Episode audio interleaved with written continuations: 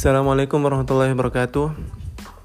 Kepada seluruh penghuni asrama isolasi Zuber Sekarang sudah pukul 6.30 Saya harapkan semua memanfaatkan waktunya untuk mandi Beres-beres kamar Sarapan dan persiapan untuk KBM online.